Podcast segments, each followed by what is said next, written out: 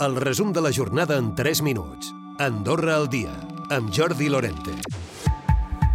Les noves dades de l'IPC dictaran la política del govern sobre la descongelació de lloguers i és que la inflació ha aturat la posada en marxa d'una llei ja redactada que havia de facilitar l'accés a l'habitatge assequible.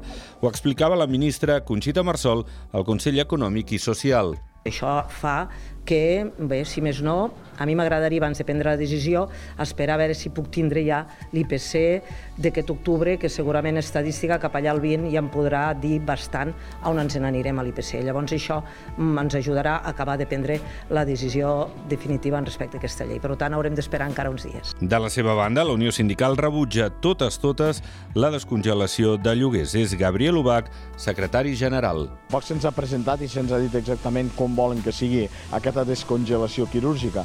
Jo crec que per anar bé, tal com està l'assumpte ara avui en dia en aquest país, no s'hauria de fer cap descongelació. Això per començar.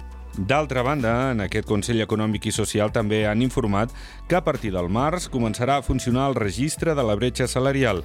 Les empreses hauran d'informar sobre els sous que percep el personal qui treballa per conèixer aquesta bretxa salarial. El cap de govern Xavier Espot ha participat en la tercera reunió de la Comunitat Política Europea que han fet a Granada en el marc de la presidència espanyola del Consell de la Unió Europea. Una trobada on Espot ha tingut temps de poder aprofitar per conversar amb Pedro Sánchez, el president espanyol en funcions, que actualment ostenta la presidència del Consell de la Unió Europea, felicitant-lo per l'organització de la reunió d'aquesta comunitat política europea i celebrant les bones relacions bilaterals entre tots dos països.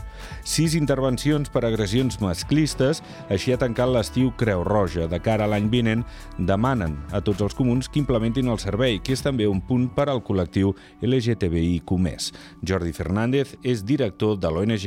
Si no volen acudir a la Creu Roja, que no passa res, però lo important és que el punt lila hi sigui, i que sigui un punt lila professional que faci la tasca de sensibilització i, pre i, pre i prevenció i, sobretot, i sobretot que si ha d'intervenir, doncs que hi hagin els professionals doncs, per intervenir. L'exministre Jordi Alcover explicarà el diumenge si ha decidit finalment acceptar ser candidat per demòcrates a cònsul major canillenc. Alcover va exercir de titular entre el 2011 i el 2015 de la cartera d'Economia i Territori i fins al 2016 d'Administració Pública i Telecomunicacions. I mentre Rosa Gili optarà a la reelecció a Escaldes, però encara no ha decidit si ho farà en solitari o bé en coalició. Admet sintonia amb Cerny Escalé, el líder de Concòrdia, però també es veu legitimada per anar amb una plataforma plataforma pròpia. Ara bé, sí que deixa clar que vol Quim Dolça, l'actual cònsul menor, al seu costat. Eh, ell ho sap, no? Jo necessito gent amb mi, evidentment no, no es pot anar sol enlloc i bueno, jo vull que el Quim hi sigui si jo el veig de cònsul menor, però ho haurà de dir ell. Ell és prudent també i diu ja ens queden uns dies encara.